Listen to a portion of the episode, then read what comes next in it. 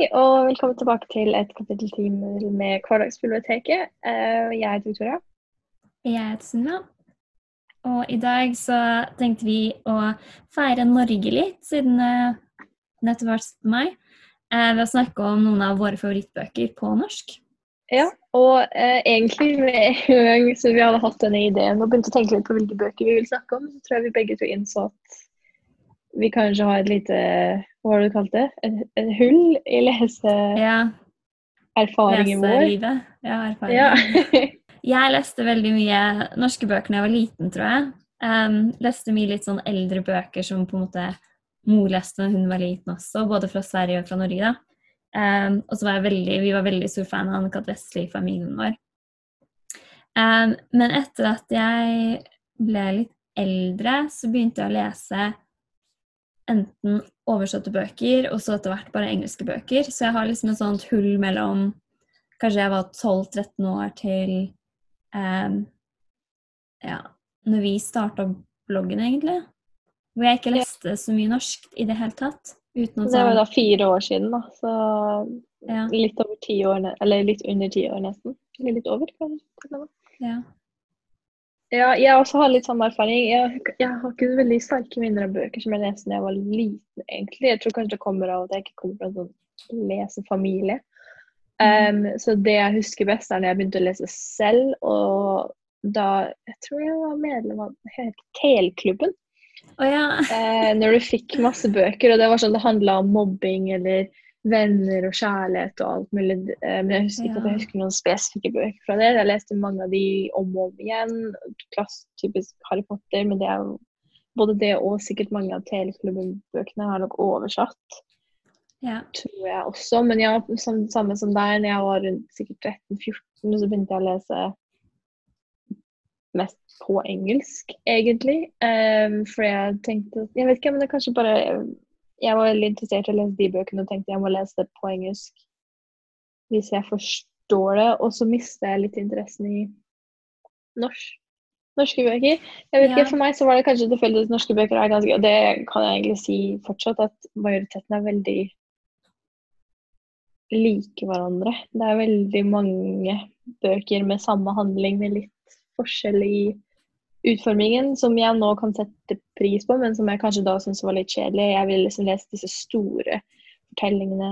Um, og de finnes jo selvfølgelig på norsk også. Det er mange bøker som jeg ikke har lest, som jeg sikkert kunne lest som hadde vært på samme nivå. Jeg tenker nå uh, med en gang på Hva heter hun? Siri Pettersen, som har skrevet en norsk fantasy som er veldig veldig populær. Um, som jeg sikkert hadde, hadde digga da, men så fordi jeg på en måte var tenåring og bare åh, norsk, kjedelig. Um, Ja. Litt kanskje samme grunn til at vi oss begge to så bare OK, la oss dra til utlandet og studere der, for i Norge, der skal jeg ikke være. Ja, for meg hang det veldig sammen. Um, det var et tidspunkt hvor jeg liksom satte meg veldig inn for å lære engelsk. Um, og bare leste engelske bøker liksom i ett år for å bli flink. Og så etter Og så tror jeg det hadde litt med at jeg begynte å lese ungdomsbøker. Jeg visste liksom ikke helt sånn ut Sånn jeg hakker på en måte litt, litt over teleklubben, da. For det er jo på en Mm. måte litt mer sånn middle grade. Sånn ja, det er vel sånn 9-10 til 12-13 Ja. år, avhengig av hvilken bok. Jeg tror ikke Teleklubben finnes fortsatt, men ja, det er sikkert noe Nei. lignende der ute fortsatt. Ja.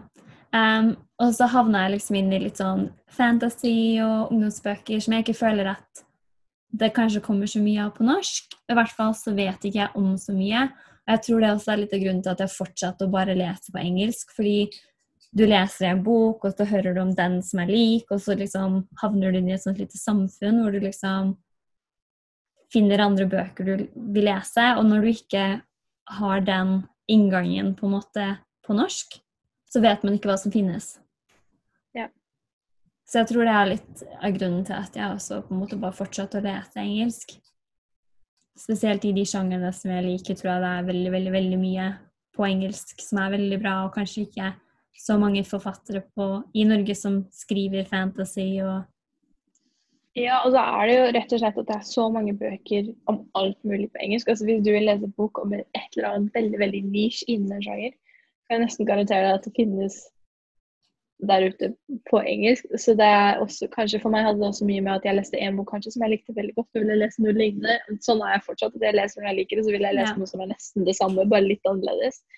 Um, og på norsk så får du som regel Du har ikke så bredt spekter da, i hvor mange bøker som finnes om lignende tema, og det er jo både bra og dårlig, og det er jo selvfølgelig en naturlig, em, et naturlig resultat av at det er jeg vet ikke hvor mange hundre millioner som snakker engelsk som første språk i verden, eh, versus seks millioner nordmenn. Ja. Um, men ja, og det var jo også egentlig derfor vi ønsket kanskje å starte Korpsbiblioteket. Sånn utover litteraturformidling og alt det her, men for, av egoistiske grunner også for å holde seg oppdatert da, på hva som faktisk skjer i Norge, og bli litt mer entusiastisk for norsk litteratur, som jeg vil nå si at vi begge er. Og jeg tror kanskje jeg leser nesten Ja. 50-50 engelsk og norsk til tider nå. Um, ikke hele tiden, men sånn generelt. ja. Jeg husker når vi hadde diskusjonen før vi begynte, om vi skulle skrive på norsk eller på engelsk. Ja, det snakka vi om. Det, ja. Nå føles det litt merkelig, for det føles veldig norsk. Um, det er liksom det vi har laga det til, det er det det er, så jeg klarer ikke se Ja. for meg at det skulle vært noe annet. Og det hadde jo heller ikke blitt det samme. Det hadde blitt noe helt annet. Et helt annet prosjekt. Mm. Ja. Så um, yes, ja, jeg syns jo det har vært veldig fint å hvordan, liksom, bli pusha litt til å lese og oppdage norske forfattere og litt flere norske ehm, bøker. Og når jeg skrev lista mi, så oppdaga jeg at veldig mye av det var dikt. Og det viser jo da at kanskje de sjangerne jeg liker best å lese, har jeg kanskje falt mest for bøker som har vært skrevet på engelsk. Mens jeg har funnet meg veldig godt til rette innenfor liksom, diktsamfunnet i Norge, kanskje. da. Så når jeg så gjennom liksom, Goodreads-lista mi hva jeg har gitt fem stjerner, så var nesten alt som var skrevet på norsk, var enten Anne-Kat. Vestli eller dikt. Og det syns jeg er litt interessant. Um, Ja, det er ganske interessant. Det har kanskje noe med en litt motsatt effekt av at det finnes så utrolig mye på engelsk. Og det har kanskje med, og det her er også basert fra da eh, det jeg tenker selv, at uh, dikt på norsk på en måte føles mer uh, Ikke emosjonelt, men at, får, at jeg får en, en nærmere emosjonell reaksjon når jeg leser det på norsk. Uh, og det kan også ha med tem om de temaene da, som nylig ny lyrikk på en måte har handlet om. For det har vært mye kjærlighet og mye, mye um, familie og lignende, som det selvfølgelig finnes veldig, veldig, veldig mye av på engelsk. Men på engelsk så blir det kanskje mye av det. Um, og jeg, jeg vet ikke, egentlig ofte når jeg Det er vanskelig å si, for egentlig ofte når jeg på en måte vil, gjerne vil lese noe på norsk, så er det fordi jeg har lyst til å kjenne på en følelse av enten hjemlengsel slash nostalgi slash tilhørighet. Og det er ganske ofte de bøkene som handler om disse temaene, da, som jeg liker veldig godt som et resultat. Ja. Jeg tror at grunnen til at jeg um, endte opp med så mange diktbøker på den lista, er litt er den Din poesi. Um, tru, um, antologien og Instagrammen til Ellen Wisle. Rett og slett fordi jeg tror det var litt da jeg begynte å liksom, oppdage den type dikt. For jeg syns at mye sånn tradisjonell dikt blir litt sånn litt for komplisert for meg. Jeg liker dikt som er sånn med, at du har den følelsen med en gang, istedenfor at du må sitte og liksom søke opp referanser osv. for å skjønne hva, hva de egentlig prater om. Um, og fordi hun har dratt fram så mange forskjellige dikt av forskjellige eh, diktere, så kan du liksom se hva du liker, og så gå og lese mer av den dikteren. Så den første boka jeg skrev ned, var da 'Skitten poesi'. Eh, som jeg syns var den beste av de jeg har lest, fordi den er litt mer edgy, da. Så jeg bare syns den var veldig morsom og koste meg veldig når jeg leste den diktsamlinga. Og satte sånne lapper inn på nesten annethvert dikt. Ja, det er jo altså Ellen og Ren Poesi eh, er vel egentlig eh, nesten ansvarlig for den poesibølga som vi har sett. Som Ja. var i Norge for et par år siden, som på en måte fortsatt finnes rundt, men som kom veldig for et par år siden. Og du, man, det ser man jo også på salgsresultat av alle de bøkene som har kommet ut av det. For det, var vel ren poesi, og så skitten poesi, og så er det Enda mer enn poesi. Det er en juleutgave. Ja. Uh, så tror jeg det er en til også. Men ja, det er liksom så mange bøker som man kan samle, da. Uh, ja, som man kan gi ut av samlede dikt, som på en måte fenger såpass mange at Ja, og så passet det veldig Ja. godt for meg at hun hadde dratt fram liksom, de hun syntes var best av veldig mange forskjellige diktere. Fordi jeg Mm. syns at å lese en diktsamling, mye av det kan bli veldig likt. Noen er kjempegode, men eh, jeg bare syns at altså, hun må ha veldig lik smak, eller jeg har veldig lik smak i dikt som henne. Og derfor så Og det hjelper jo, selvfølgelig. passa det veldig godt for meg at hun har lagd de bøkene. Så det var Ja. min første bok. Ja, og egentlig for den neste boka så kanskje vi kan gå fra Instagram-poesi til eh, Twitter-poesi, eller mikronoveller som det heter. For det er en bok som vi begge har på lista, og det er 'Vente på fuglen' av Frode Grytten. Mm. Um, og det er jo rett og slett en bok med masse mikronoveller, altså på mindre enn 140 tegn, som Grutten først Grutten? Grutten? Først skrev eh, på Twitter, på en Twitter-konto, og så samla de beste um, i en bok. Så dette er vel rett og slett egentlig tilgjengelig gratis, tror jeg fortsatt, på Twitter. Mm. Um, men boka er, er en veldig fin samling, og den går vel fra Så for hver um, mikronovelle så er det en person, og personen har en alder i parentes, ikke sant? Um, og i boka så er det da Ja, og i boka så går det da fra yngste til eldste. Jeg mens jeg tror når han Ah. skrev det og la det ut på Twitter, så var det sånn sånn tilfeldig det han kom på. Ja. Um, men det jeg ja, jeg, i aldersrekkefølge. ja, jeg tror det. Jeg tror det. Kan, Kult. Så vidt jeg husker, så tror jeg den går fra yngste til eldste. Eh, og da kan- jeg kanskje på en veldig enkel måte å organisere boka på. Jeg vet ikke om det var Ja. så veldig bevisst.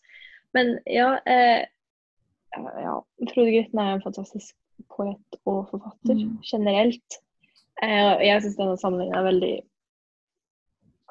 ikke, veldig bra.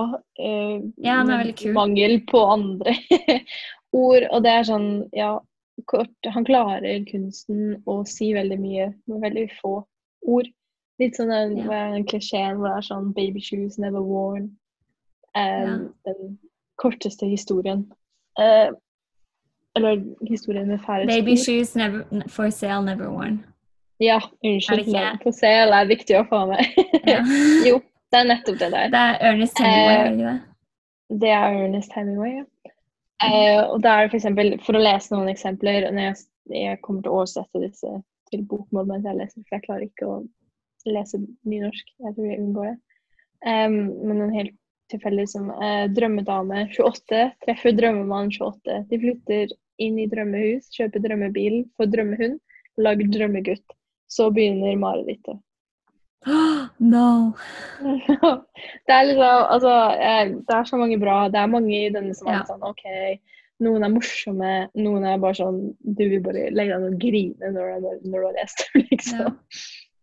Ja, absolutt en Eh. veldig god studie av hvordan um, si mye ved å si lite, på en måte. Ja. Ja. Um, gå videre på litt sånn diktaktig, så har jeg skrevet ned 'Jeg kan plutselig til å slutte å tenke på deg' av Fredrik Hagen. En slags lyrisk kortroman. Jeg vet ikke helt hva, hvilken sjanger den faller inn under, men den har jeg jo snakket om konstant siden jeg leste den, egentlig, for jeg syns den var så fin. Um, fra Flamme forlag. Uh, og han har jo skrevet to bøker til som også er veldig fine.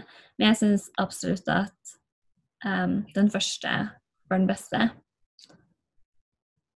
Og man får, liksom, man får liksom en sammenhengende handling i boka, men samtidig er det mer sånn små øyeblikk. Så det føles som om du leser bare mange dikt om den samme hendelsen. Så skriver jeg veldig fint.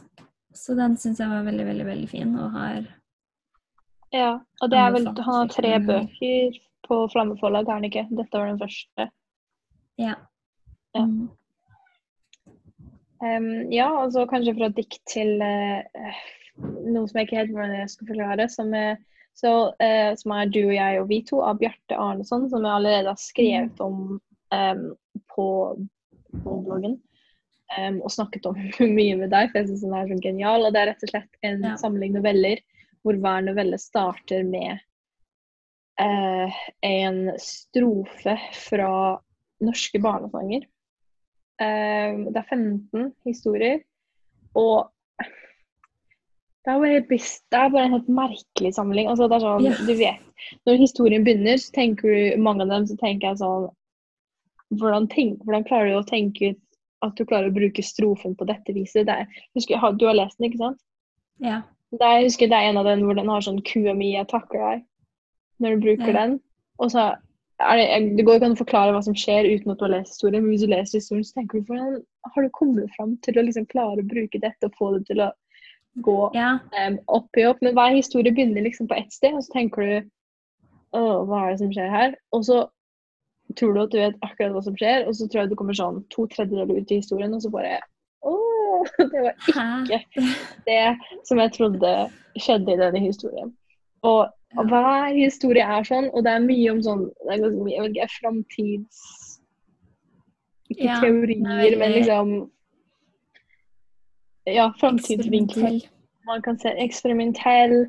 Um, hele konseptet med å liksom bygge en bok på, bar, på strofer fra barnesanger er også Ja, for den begynner er med første vers, gjør den ikke? Og så slutter den med det siste verset. Og så er det bare hvordan Jeg tror det. Jeg, tror, jeg husker ikke om alle slutt... Jeg, tror, jeg husker ikke om alle slutter med den siste, men du har kanskje rett. Og så er det bare sånn Hvordan i all verden liksom kom du deg gjennom det du kom deg gjennom fra liksom den første Det første verset til det siste, eller første linja Ja. til den siste Også linja. Og alt gir perfekt mening når du leser det. Du bare Ja. ah, Det kunne ikke vært på noen annen måte. Uh, Ja. Så ja, det er, altså, det er sagt før at det er en av de beste norske bøkene som jeg har lest. For, altså, om man bare kan ta det på underholdnings... Um, hva heter det? Underholdningsscore, hvor underholdende boka er, og Ja. morsom. Selv om du sitter og bare Hva er det som skjer? Um, Ja. Og hvis dere kjøper, kjøper den som paperback, så er det jo også uh, din anmeldelse har blitt eh, sitert Ja, på forsida. det det er ganske kult. Em, Ja. ja, så jeg har jo uh, snakka litt med forfatteren i forhold til boka, egentlig bare for at jeg skrev en anelse, og så sendte han en e-post og bare Å, kult. Um, men han, da leste jeg litt andre artikler om han, og han er veldig um, Hva er ordet? Han liker ikke så veldig godt at norsk litteratur er så seriøs, og alt er så mørkt. Og det er liksom Ja. samlivsbrudd og drama eller mord. Det blir da krim Mm. spesielt. Men det er liksom alltid noe som er gærent, og det er liksom aldri bare å, det er morsomt, eller um, Og det er jeg egentlig litt enig i. Jeg leser ganske ofte bøker på engelsk som jeg syns er morsomt og underholdende, og ikke har så veldig seriøse tema. Og jeg bekjenner ikke at jeg savner seriøse temaene, men synes det er vanskelig å finne andre bøker som er morsomme, eller i hvert fall light-hearted, ja. på norsk. Ja. Eh, jeg skal bare slenge ut et eksempel på Altså, jeg er helt enig med deg, men eh, jeg måtte bare nevne 'Norske stiler' av Lars Saabye Christensen i den settingen. Den er en kjempemorsom bok. Det har jeg ikke lest, så den skal jeg legge til på Det blir det. Um, det er en litt sånn kort bok hvor um, en barneskoleelev, tror jeg, skriver sånne typiske sånn stiler som han hadde, sånn 'fortell om en tur i skogen'. OK. Og så Ah. skriver han um, Det han skriver, er liksom han er, Læreren er aldri fornøyd, så kommer det sånn at læreren skriver en kommentar, og så svarer han gutten igjen, og så er det veldig morsomme. Så den anbefales. Den ligger på Storytel med Kim Haugen. Kim Haugen er en fantastisk forteller. Ja. Ja, um, skal vi gå videre til nettopp en av Ja. disse mørke krimbøkene? Holdt opp, Den er ikke så mørk, kanskje. Men det er også en Men bok en veldig- har nevnt mye. En veldig bra en. Ja. Eh, ikke så vanskelig å gjette, kanskje, for vi har snakket veldig mye om den i det siste, og det er 'De sju dørene' av Agnes Ravatn. Eh, Ja. Den er litt sånn Den er litt sånn litterær, men den er også morsom, og så er det mye spenning. Det er liksom ikke sånn typisk krim, men det er likevel et mysterium hvor um, en litteraturprofessor um, henger seg veldig opp i forsvinnelsen av en ung mor som bodde i Eller hun var leieboeren til til dem, da.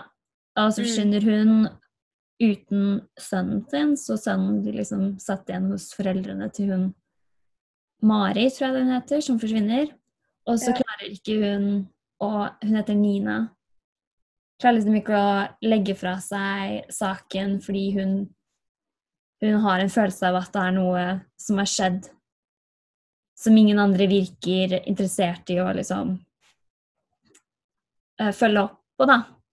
Ja. Så kommer det litt sånn familiedrama, litt sånn midtlivskrise um, og liksom forskjellige ting. Ja, dette er veldig Altså, Agnes Ravatn er en veldig velkjent norsk forfatter egentlig for en he for helt andre sjangre. Hun skriver vel Jeg vet ikke hva man kaller det, generell skjønnlitteratur. Eh, hun har også skrevet en del sakprosa som er veldig interessant, spesielt Operasjon sjøldisiplin. Eh, Syns jeg er veldig Mm. bra. Em, og det som Altså, ja, det som Altså, selve handlingen med denne personen som forsvinner, og løsningen som hun bruker, er ikke spesielt interessant eller original, men det er hvordan alt henger sammen, eller mer sånn hvordan hun legger fram historien, som gjør det så veldig bra, da.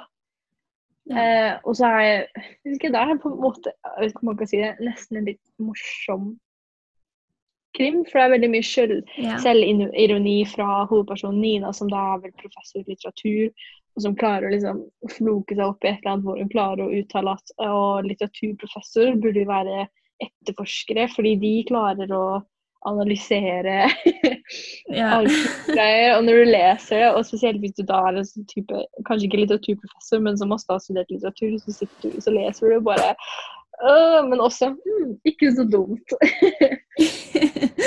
ikke sant? Nei, altså jeg tror det var favorittingen min med boka. Det er vel liksom måten hun eh, fikk liksom den litterære siden til å liksom passe perfekt inn med den krimsiden, uten at Altså, det ble litt komisk, men det ble bra, og det liksom det passa inn, og det virka ikke rart. komisk på et bra vis. Altså, eller komisk er kanskje feil ord, men mørkt, morsomt, uten at det er liksom Ja. humor og Det er veldig, en veldig smart krim. Men det er jo litt sånn komisk ting å tenke på, sånn ute av kontekst fra boka. Men i boka så var boka var ikke komisk. Den var morsom. Nei, men jeg syns det var noen underliggende toner som liksom er Ja. Ja, ikke komisk, men det var morsom, ja. Det, Ja. Så veldig bra. Burde leses. Eh, passer veldig godt for folk, tror jeg, som liker krim, men også veldig godt for folk som ikke nødvendigvis leser så mye krim. Um, ja, og så kanskje til en annen bok som er em, en av de merkeligste bøkene jeg kanskje har lest på en stund, men på beste mulig vis, som er 'Vi er fem' av Mathias Faldbakken. Um, og han fikk jo kjempestor suksess i fjor, eller forrige fjor, med oh, Hva het den første boka hans? Det husker jeg ikke. Jo, han fikk veldig stor suksess i Norge og i utlandet i fjor eller i forrige fjor med boka 'The Hills', som handler om eh, en sånn veldig kjent restaurant i Oslo og, og med en som jobber som Det er vel ikke servitør, det er vel litt mer fancy ord for det på den restauranten. Eh, jeg leste aldri hils, egentlig. Eh, så jeg var litt sånn skeptisk når jeg tenkte på skal jeg, når jeg sto med VF5 i hånda i Bergen, bokhandelen, bare mm, skal jeg kjøpe den? Men så tenkte jeg at premisset var såpass interessant jeg bare kjørt på. Og det er jeg så glad for at jeg gjorde, for jeg tror det kommer til å bli kåret til en av de beste bøkene. For, det var 2019, faktisk. Jeg tror den vant en pris, P3-prisen eller noe i fjor. Um, og det handler om en familiefar uh, som har to barn, kone Han jobber som bilmekaniker, tror jeg, hvis jeg ikke husker feil, kanskje noe annet. Um, og ender på et eller annet vis opp med å forsøke å lage et levende vesen uh, på, hva er det, i garasjen sin. Uh, og da, men når jeg sier levende vesen, så tenker jeg rett og slett det det er en leirklump som begynner å vise tegn til liv. Så det er ikke, sånn, det er ikke et monster som liksom går på fire ben og snakker. Det er en liten leirklump som man klarer å lage. Og Det er det som er så interessant av måten det skrives om, at oi, det her shit, det er kanskje noen kunne faktisk gjort i, i garasjen sin. Eh, og i begynnelsen er det bare sånn, hvis du tenker deg en, en deig som hever, da. Det er bare det som skjer omtrent. At deigen lever, den vokser. Eh, som om det er gjær i den. Jeg tror kanskje han bruker gjær også for å vokse. Men så begynner han å mate den med nye ting, og på et eller annet tidspunkt så begynner denne klumpen å liksom rulle ut av det brettet den ligger i, og liksom rundt, og så tenker han å, kanskje jeg skal introdusere den til familien min og vise hva jeg har laga. Eh, og da er det sånn, altså familien er sånn OK, hva er dette? Um, så det er fortsatt en veldig realistisk roman, selv om det kanskje høres helt sprøtt ut. Når du leser, så tenker du det her kunne jo skjedd.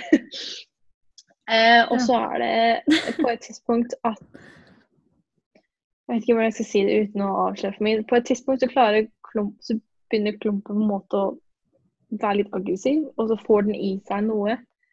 Um, helt tilfeldig, sånn at den ruller over på gulvet eller noe, um, som da gjør at den krever mer av det den har fått i seg um, og rømmer fra huset um, og begynner å angripe folk i landsbya. Og det her det, det som jeg glemte helt glemt å si, er at jeg satt i en liten bygd. Alle kjenner alle. Um, så når det blir kjent at denne leieklumpen kommer løs, så begynner du å angripe barn. Spesielt på vei hjem fra jobb. Og det er ikke noe, det er ikke noe død eller noe, noe sånt um, veldig mørke greier, så blir det liksom kaos. Uh, og hvordan bygda skal komme sammen før liksom slåss mot denne leirklumpen. Og det er Jeg vet ikke Jeg klarer liksom ikke å gi denne boka den uh, den anmeldelsen som den fortjener. Jeg klarer ikke å skrive en smart anmeldelse, for jeg bare leste boka og bare det her er litt Boka er for smart, liksom. Selv om den høres helt sær ut. Um, Den men, høres litt sær ut når du forteller altså, det sånn, ja. det er knapt 160 Jeg tror det er 160 sider. Den er veldig kort. Men ja. så mye handling. Og jeg vet ikke om altså, En av mine favorittbøker noensinne er Frankenstein. Eh, det, er litt, det jo litt lignende tema om å lage liv. Um, og det er ganske jeg tror, timely um, anpasset vår tid, hvor man snakker en del om hva, å lage ting og være ansvarlig for det man bringer ut i verden. Um, og lignende, Men det handler vel så mye om familieforhold, forholdet hans til barna sine, til kona. Um, hvordan kona blir altså I begynnelsen så er det sånn Å, kona mi bare klager, hun er bare sur. Og så går hun gjennom en veldig um, forandring da, som hun på en måte blir påtvunget henne pga. det som skjer. Um, men altså, jeg vet ikke, jeg klarer ikke å forklare denne boka så bra. Det eneste jeg kan si, er at det er 160 sider, så eh, bare les den. okay. man, jeg tror man veldig fort vil merke om det ikke er interessant, men jeg tror de fleste vil lese sånn ti sider og bare Wow, jeg må lese mer. ja. Ja. Eh, den siste boka jeg har skrevet ned, er kanskje litt annerledes enn den nettopp snakket om. Men det er 'Voksne mennesker' av Marie Aubert som Den har jeg nettopp lest. Den er veldig god. går. ja. Perfekt. den, var, den var kjempebra. Jeg leste den liksom i ett. Det er også en veldig kort bok på 170 sider eller et eller annet. Mm. Som handler om Ida, som er 40 år. Eh, Singel, i en bra jobb, men eh, føler litt på seg at hun liksom henger litt etter i livet med tanke på å etablere seg. Så hun har nettopp vært i Stockholm for å sjekke om hun Göteborg. kan fryse egg Göteborg, for å sjekke om hun kan fryse egga sine. Og så kjører hun ned på Sørlandet, er det vel, eh, for å tilbringe et par dager på hytta til familien.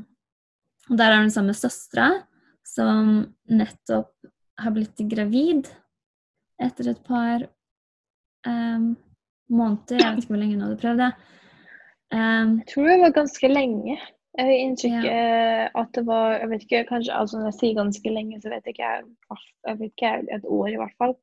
Jeg vet at det kanskje ikke er lenge i real terms, men altså Som har forsøkt å bli gravid lenge, da, som endelig har klart å bli gravid. ja. Så hun eh, Så Ida er da, da sammen med søstera og kjæresten til søstera og barnet til kjæresten til søstera. Eh, og så etter hvert kommer jo også moren og kjæresten hennes ned. Og så bare utspiller det seg en sånn litt sånn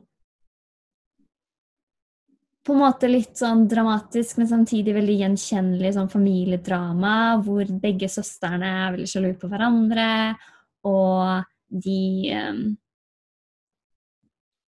Ja. Det, Ja, det er altså eh, Ja.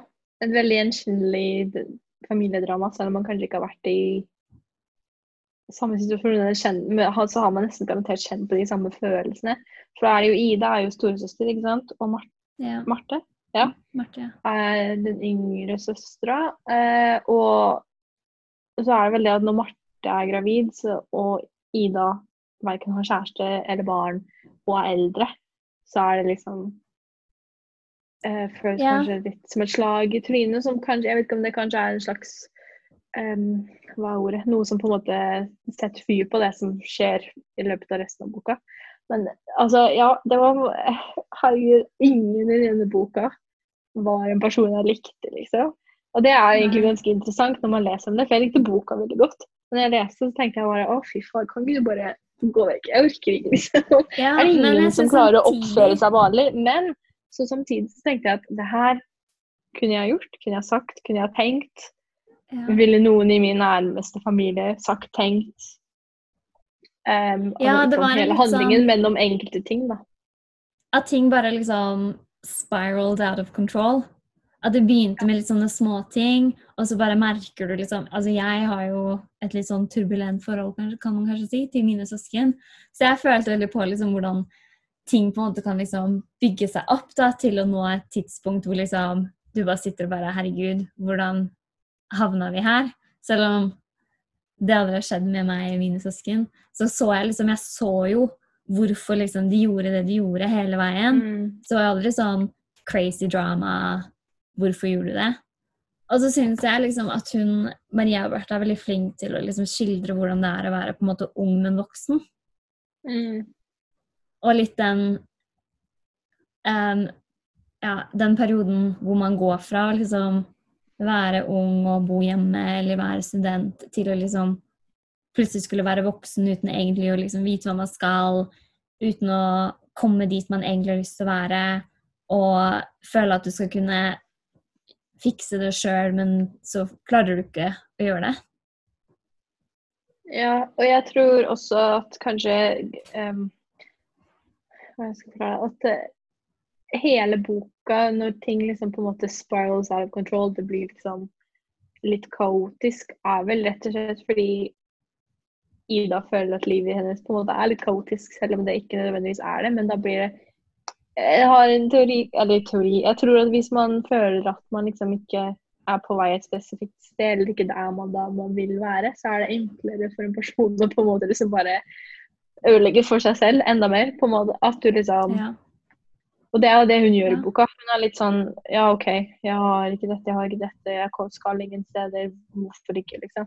Og det er jo litt alvorlige ting som skjer. ja. Men det er jo ikke bare hennes skyld heller. Det er jo en veldig Nei, det er absolutt ikke. Det er absolutt ikke. Så Og, Ja. Men eh, det som jeg syns var veldig interessant, var skildringen av når mammaen kommer.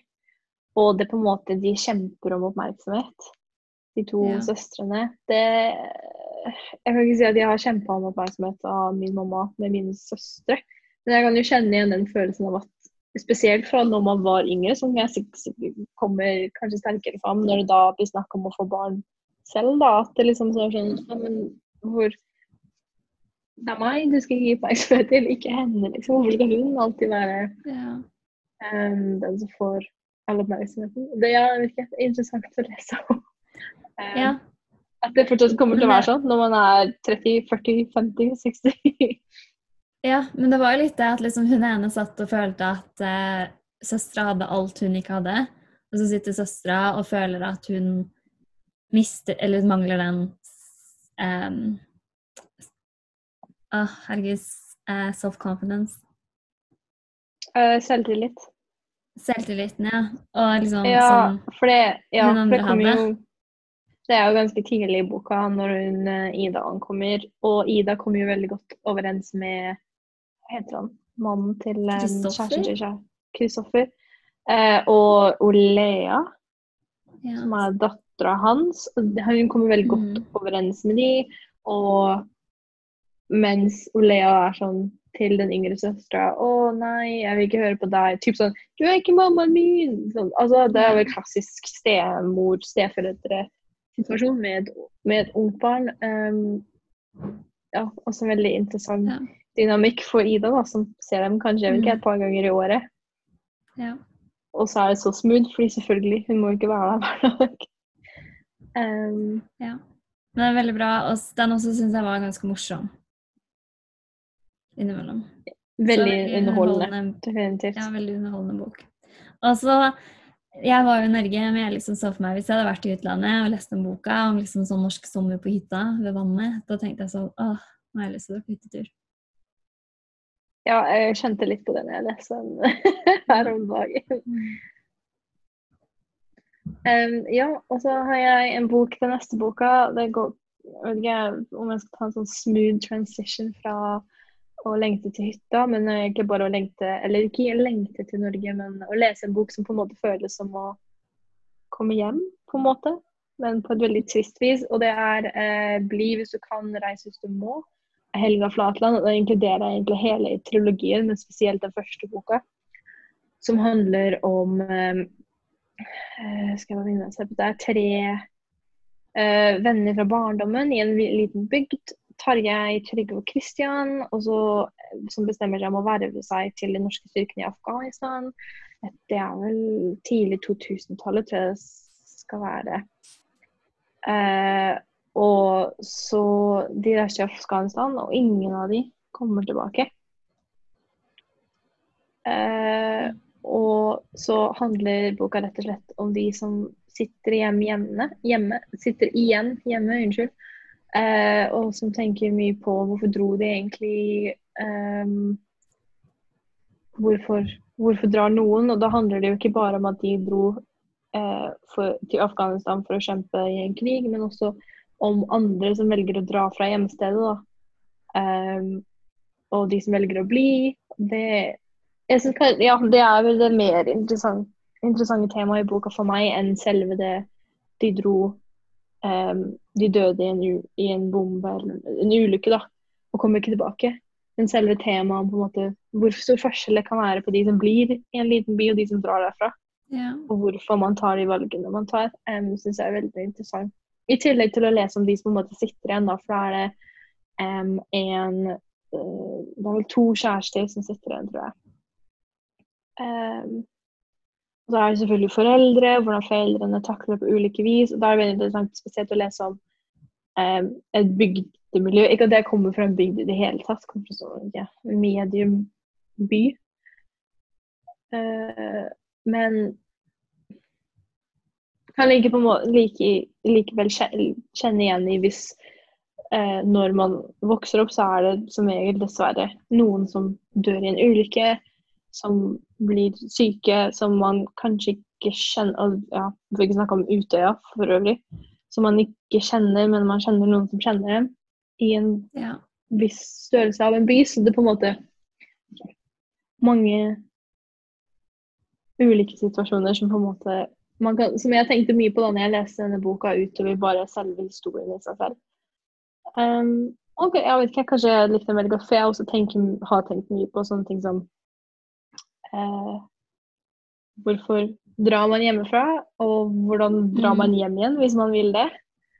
ja. Eh, og det er jo noe som kommer litt mer inn i den andre boka i, trilogien. For den første heter 'Bli hvis du kan', eller 'Hvis du må'. Den andre heter skal være min, 'Alle vil hjem, men ingen vil tilbake'. Um, ja. jeg er bare veldig, veldig bra bok som er veldig trist og rørende. Men som tar opp vel, for meg veldig mange flere tema enn som står, som står i selve boka. Altså, mye mellom linjene der. Ja. Eh, og så tenker jeg ofte på at Helga Flatland var 26, 25 eller 26 år da hun skrev den første boka. Oi. Og bare wow. Ja.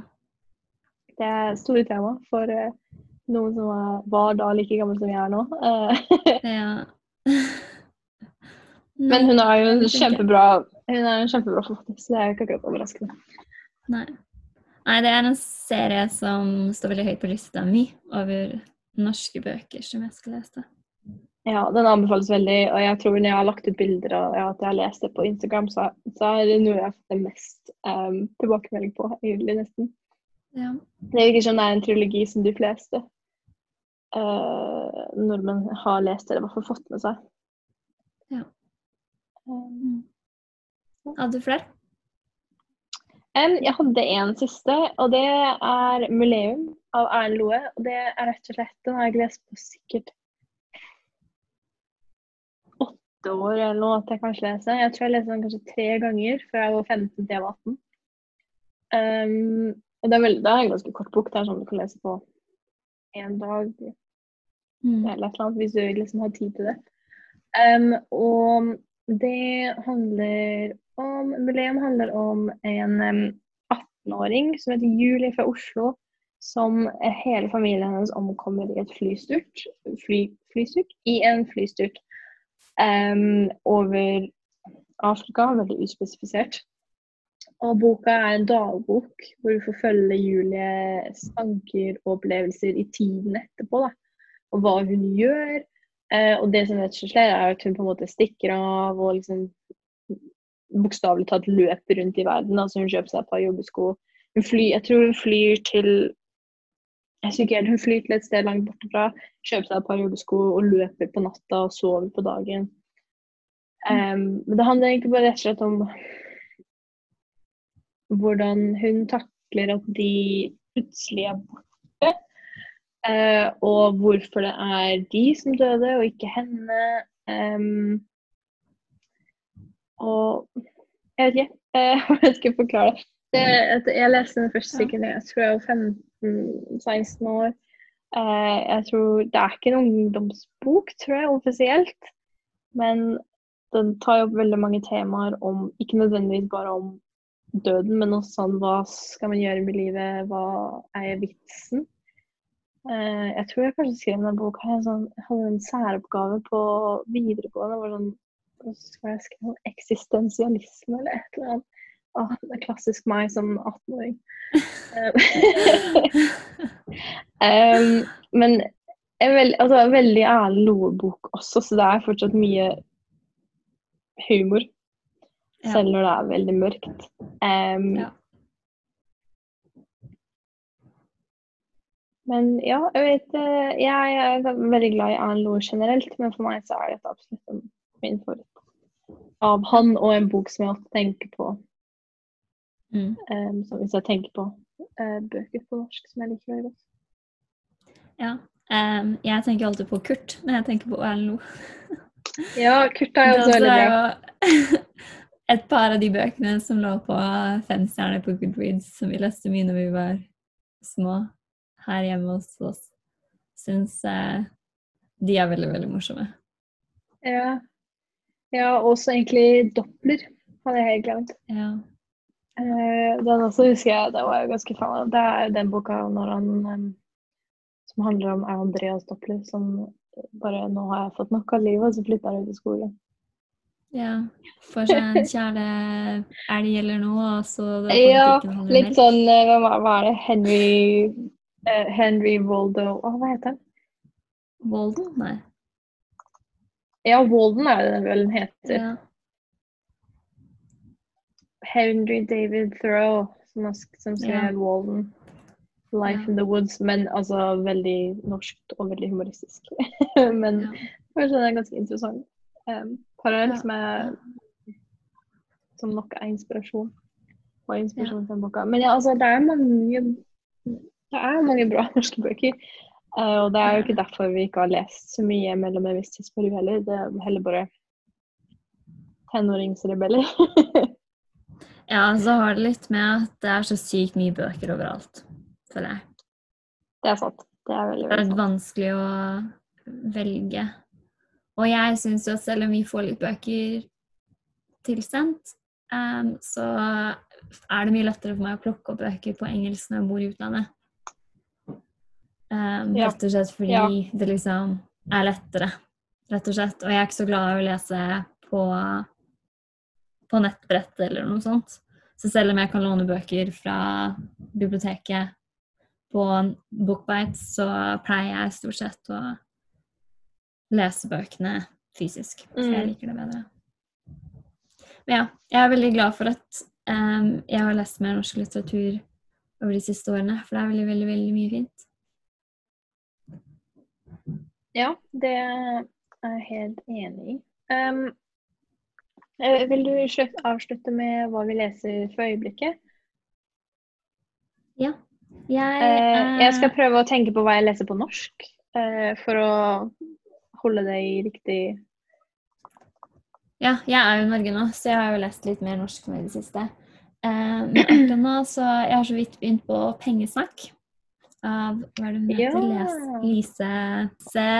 Wermelid Christoffersen heter hun. Ja. Så nå har jeg tenkt å se om jeg kan få litt styr på økonomien min. Ja, lurt. Det Så det var det. Var det. aldri en dårlig jeg ja. Har så vidt begynt, men uh, spent på, på å se hva jeg lærer. Ja, jeg, har, jeg sier at jeg leser, men uh, jeg skal nettopp begynne på, for jeg har nettopp lest ferdig uh, Voksne mennesker, og så leser jeg en bok på engelsk uh, imellom. Men etter det så skal jeg lese 'Dette er ikke oss' av Neda Ja. Alai. Unnskyld, jeg sier helt sikkert det feil. Ehm, som handler Og dette er jo en ungdomsbok som kom ut i fjor. Den har vært veldig prestisjefulle priser, og altså, alle som har lest denne boka, raver jo om hvor bra den er. Så grunnen til at jeg ikke fikk lese den før, er at jeg ikke hadde tilgang på Bookbites før, du, um, før jeg fikk låne din innlogging. uh, og at jeg ikke hadde lyst til å kjøpe den. Ja, jeg vet ikke. Jeg liker ikke å lese bøker på norsk på Kindle. Um, Ja. jeg vet ikke hvorfor. Jeg leser veldig mye på engelsk på Kindle, men det er noe annet. Men Uh, dette ikke oss handler om um, Sanne som må passe på Nå leser jeg litt før beskrivelsen, for jeg har ikke begynt å lese den. Som må passe på pappaen eh, ett år etter at mammaen døde, fordi han spiser nesten ikke, og han klarer knapt å se på henne. Uh, på skolen så er det ikke så mye bedre, for bestevenninnen har sluttet å snakke med henne. Men så begynner Josef i klassen. Og så blir visst ting litt lysere. Eh, men det handler altså mye om sorg, eh, om kjærlighet, så vidt jeg har forstått det. Og, og liksom, hva er det det står? Å måtte ta vare på seg selv når foreldrene ikke klarer å ta vare på deg av ulike grunner. ja. Så det jeg, altså, ja, Av beskrivelsen så hører jeg egentlig veldig godt. Jeg kan se for meg hvorfor han har funnet mye, mye priser i Norge. Jeg gleder meg veldig til å lese den. Det gjør jeg også når jeg etter hvert kommer meg dit. Men først så skal jeg lære litt om bankkontoen min. Ja, men det er også lurt. Jeg også kan jo lese denne. Ja. ja. Men det Ja. Nå var har vi det. snakka om en del bøker, så kanskje vi skal Ja. ta den det. mm, Men hvis eh, det er noen av dere som hører på, som har eh, noen norske favoritter, så send oss en melding et eller annet sted, og så skal vi lese litt mer norsk. Ja, særlig hvis, det, hvis du har tips til bøker som ligner på de bøkene som var våre favoritter. Som jeg har nevnt eh, i denne boka. For det vil jeg gjerne lese mer. Eller hvis dere har en skikkelig bra fantasy-serie så mest skrevet på norsk som jeg kan lese, for det har jeg veldig lyst til å prøve. Ja, OK. Da sier vi takk for nå. Ja, ha det! Ha det.